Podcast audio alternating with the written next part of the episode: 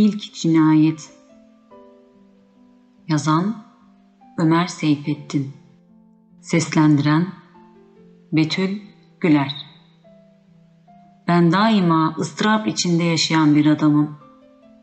Bu azap adeta kendimi bildiğim anda başladı. Belki daha dört yaşında yoktum.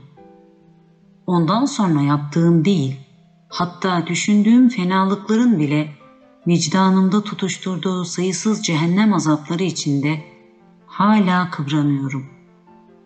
Beni üzen şeylerin hiçbirini unutmadım. Hatıram sanki sırf elem için yapılmış. Evet, acaba dört yaşında var mıydım? Ondan evvel hiçbir şey bilmiyorum. Bilinç başımıza nasıl yakmayan bir yıldırım gibi düşer.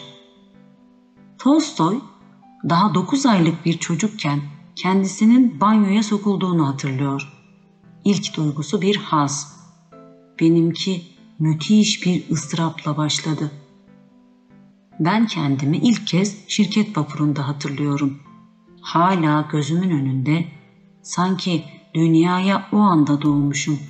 Annemin kucağındayım. Gürültülü bir kadın kalabalığı. Annem yanındaki saçları son derece sarı, genç bir hanımla gülüşerek konuşuyorlar. Cigara içiyorlar. Annem cigarasını ince gümüş bir maşaya takmış. Ben bunu istiyorum. Al ama ağzına sürme diyor. Bana bu ince maşayı veriyor, cigarasını denize atıyor. Galiba yaz. Çok aydınlık, çok güneşli bir hava.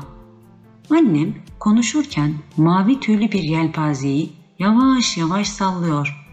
Ben kucağından kayıyorum. Beni kollarımdan tutarak yanına oturtuyor. Gümüş maşacığın halkasına parmağımı takıyor, annem görmeden ucunu ağzıma sokuyor, dişlerimle ısırıyorum.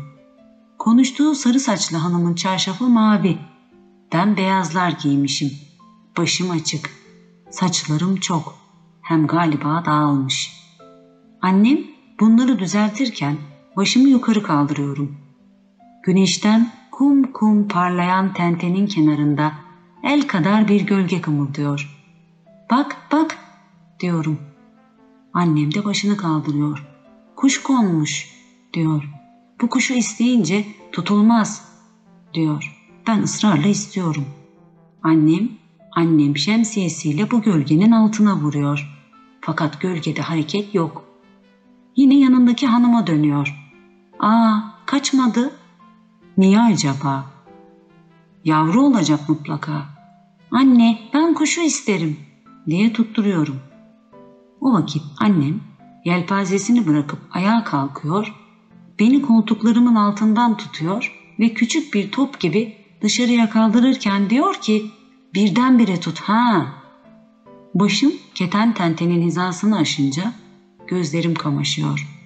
Ellerimi uzatıyorum, tutu veriyorum. Bu beyaz bir kuş. Annem alıyor elimden, öpüyor, sarı saçlı hanım da öpüyor, ben de öpüyorum. Aa, zavallı, daha yavru. Martı yavrusu. Uçamıyor olmalı. Denize düşerse boğulur. Öteki kadınlar da lafa karışıyor. Yaşamaz diyorlar. Annem beyaz kuşu ''Aa zavallı, aa zavallı'' diye uzun uzadıya okşadıktan sonra benim kucağıma veriyor. Eve götürelim, belki yaşar diyor. Ama sakın sıkma yavrum. Sıkmam. Böyle tut işte. Gümüş maşacığına bir ince cigara takıyor. Yanındaki hanım da yine dalıyor lafa.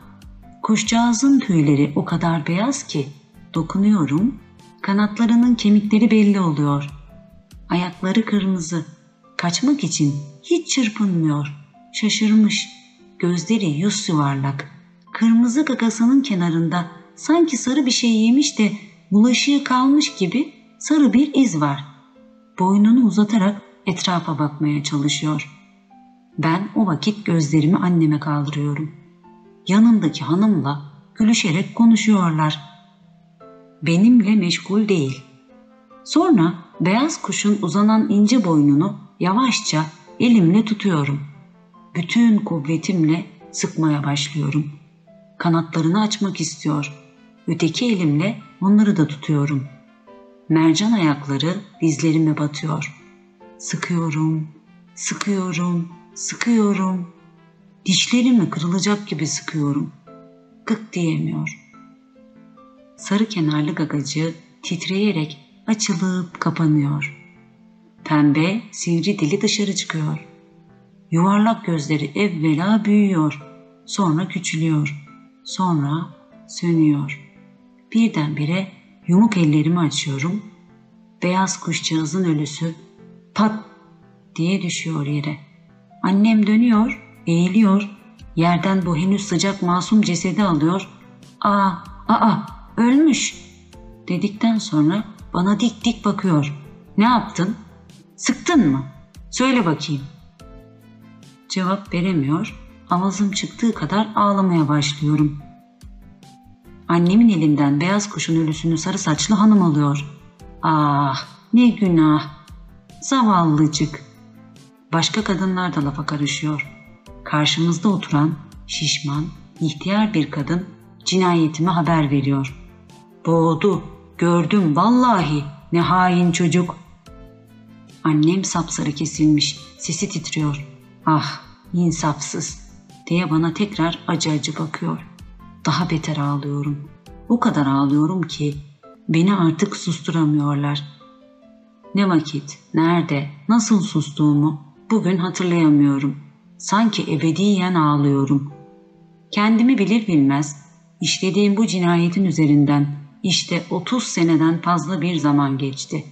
Şimdi şirket vapurlarının güvertelerinde otururken ne vakit bir martı görsem birdenbire neşemi kaybederim.